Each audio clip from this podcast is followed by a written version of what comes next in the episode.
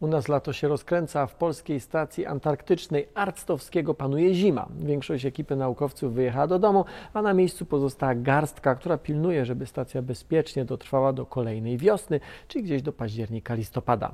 Zakończona też została rekrutacja na kolejną wyprawę. Swoją drogą, jeżeli chcecie wziąć udział w wyprawie polarnej, to w zasadzie każdego roku prowadzona jest rekrutacja. Osoby, które ją przejdą, spędzą kilka miesięcy na najbardziej niedostępnym kontynencie na tej planecie jak dla mnie brzmi super. W tym odcinku opowiem nie tylko o samej stacji, ale też o Henryku Arctowskim, niesamowitej postaci, z której powinniśmy być dumni.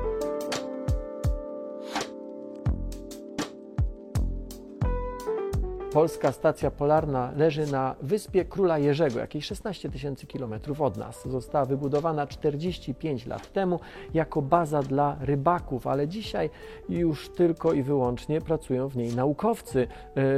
Latem może ich tam być nawet e, do 40. Zajmują się wieloma różnymi dziedzinami nauki: klimatem, meteorologią, glacjologią, geologią, sejsmologią, chemią, fizyką atmosfery, biologią, hydrologią, badają też migrację zwierząt zwierząt, pole magnetyczne Ziemi, no i zanieczyszczenie atmosfery i wody. Sporo tego, ale też nie każda wyprawa w równym stopniu zajmuje się każdą z tych dziedzin. Oprócz naukowców na stacji przebywają mechanicy, elektrycy, kucharz, e, ratownik medyczny, a podczas ostatniej rekrutacji szukano nawet operatora dronów. E, to właśnie na te nienaukowe stanowiska zwykle prowadzona jest rekrutacja. W opisie do tego filmu zamieszczę link do profilu stacji, warto go obserwować chociażby ze względu na super zdjęcia, jakie tam są umieszczane. To, że Polska w ogóle ma stację na biegunie południowym, to w sumie w pewnym sensie przypadek. W latach 70. poprzedniego wieku rząd PRL stanął przed problemem przełowienia łowisk dalekomorskich, z których korzystała nasza flota. Wtedy ktoś wpadł na pomysł, żeby nasze statki łowiły na wodach antarktycznych. Badania pokazały, że tamte łowiska są bardzo bogate, ale po to, by można było na nich łowić, Polska musiała zostać sygnatariuszem tzw. Tak traktatu antarktycznego. Info o nim też zamieszczę w opisie. Ale żeby zostać tym sygnatariuszem, trzeba było mieć na Antarktyce stałą bazę, więc wybudowano bazę, która od początku miała charakter naukowy, ale dosyć szybko stała się tylko i wyłącznie naukowa. Co ciekawe, zaprojektowanie i wykonanie tej bazy zajęło zaledwie pół roku. Potem komponenty stacji zostały załadowane na dwa statki, w Polsce zostały załadowane na dwa statki, w całości zostało wszystko przetransportowane nad Zatokę Admiralicji, wyspę Króla Jerzego, w archipelagu Szetlandów Południowych. To było dokładnie, niemal dokładnie 45 lat temu. Polska stacja antarktyczna nosi imię Henryka Arctowskiego. Jego życie to gotowy scenariusz na film, w którym nauka i przeplata się z wielką międzynarodową polityką. Actowski był polarnikiem, badał tajemnice e, kompletnie nieznanej na przełomie XIX i XX wieku Antarktydy, ale był też badaczem klimatu i to jednym z pierwszych na świecie. Najpierw uczył się w Inowrocławiu, potem w Warszawie, aż w końcu jako młody człowiek e, wylądował w Belgii. Ta ostatnia przeprowadzka była wymuszona. Actowski nie krył się ze swoimi poglądami na temat zaborców, a to powodowało w szkole szykany. Potem były studia we Francji i w końcu wyjazd do Stanów Zjednoczonych. Do Europy wrócił jako 22-latek, a w wieku 26 lat już jako uznany naukowiec i autor około 20 prac naukowych został zaproszony do wzięcia udziału w słynnej belgijskiej wyprawie antarktycznej. Więcej został jej kierownikiem naukowym.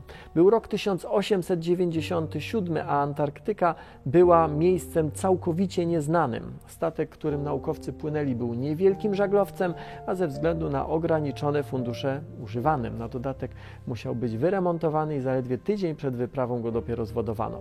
Do brzegów Antarktyki płynęli prawie pół roku. W czasie jednego ze sztormów zmyło z pokładu jednego z członków załogi.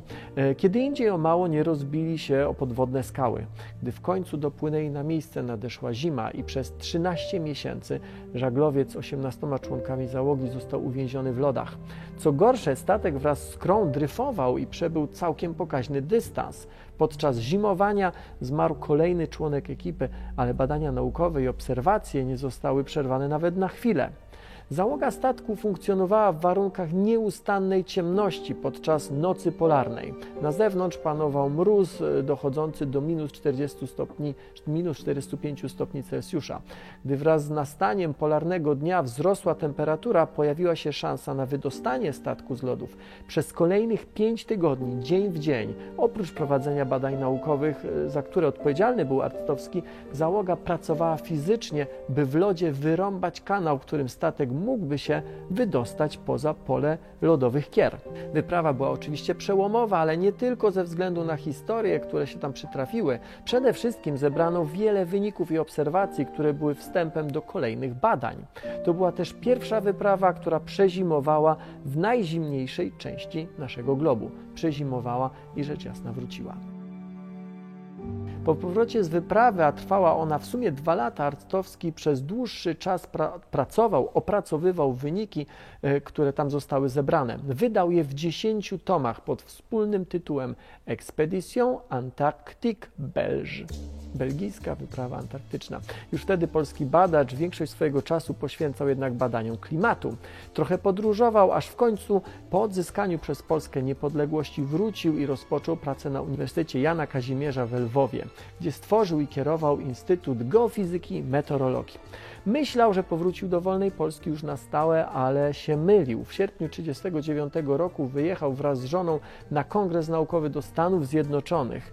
Gdy tam przebywał, wybuchła II wojna światowa, a actowscy do Polski już nigdy nie wrócili. Henryk był znanym i szanowanym na świecie badaczem, więc bez trudu znalazł pracę w prestiżowym Smithsonian Institution. A gdzie w życiu Arctowskiego była ta wielka międzynarodowa polityka, o której mówiłem? W czasie I wojny światowej Henryk był współpracownikiem działającej w Stanach Zjednoczonych instytucji do spraw pokoju. Tam współtworzył raport, który miał 2,5 tysiąca stron, raport dotyczący demografii, geologii czy bogactw naturalnych Polski. Z tego dokumentu korzystano podczas ustalania granic naszego kraju. Jako członek komisji został zaproszony na konferencję pokojową w Wersalu, która obradowała w latach 1919-20. Gdy wrócił do niepodległej Polski, proponowano mu funkcję ministra oświaty, ale Henryk Arctowski wybrał pracę naukową. Na emeryturze w USA wciąż pisał i analizował wyniki prac naukowych. Wraz z żoną, która zresztą była Amerykanką i śpiewaczką operową, organizował akcje charytatywne, m.in. po to, by kupować międzynarodową literaturę naukową polskim badaczom. Jako jeden z pierwszych na świecie prowadził dokładne całoroczne obserwacje meteorologiczne na kilku kontynentach.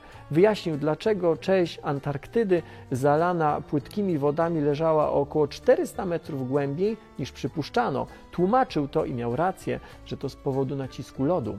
Opisał też sposób, w jaki przemieszczają się cyklony. Sporządził też wiele map dziewiczych terenów. Gdy Henryk Arctowski prowadził swoje badania klimatyczne, tym tematem zajmowało się wtedy na świecie najwyżej kilku naukowców. Dzisiaj trudno w to uwierzyć, bo dzisiaj nie ma w zasadzie uniwersytetu czy ośrodka naukowego, w którym nie badano by jakiegoś aspektu klimatu. Zespół Arctowskiego badał klimat niemal dla każdego obszaru lądowego na świecie.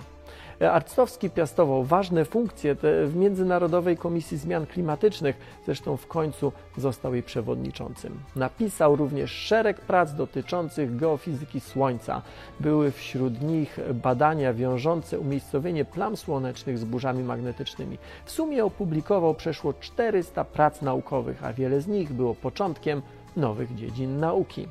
Nauka to lubię, nie tylko na Facebooku, YouTubie. Zajrzyjcie na stronę naukatolubie.pl, tam u góry w górnej belce jest zakładka um, o superbohaterach, Akademii Superbohaterów. E, tam też znajdziecie informacje o Henryku Arctowskim. Dziękuję.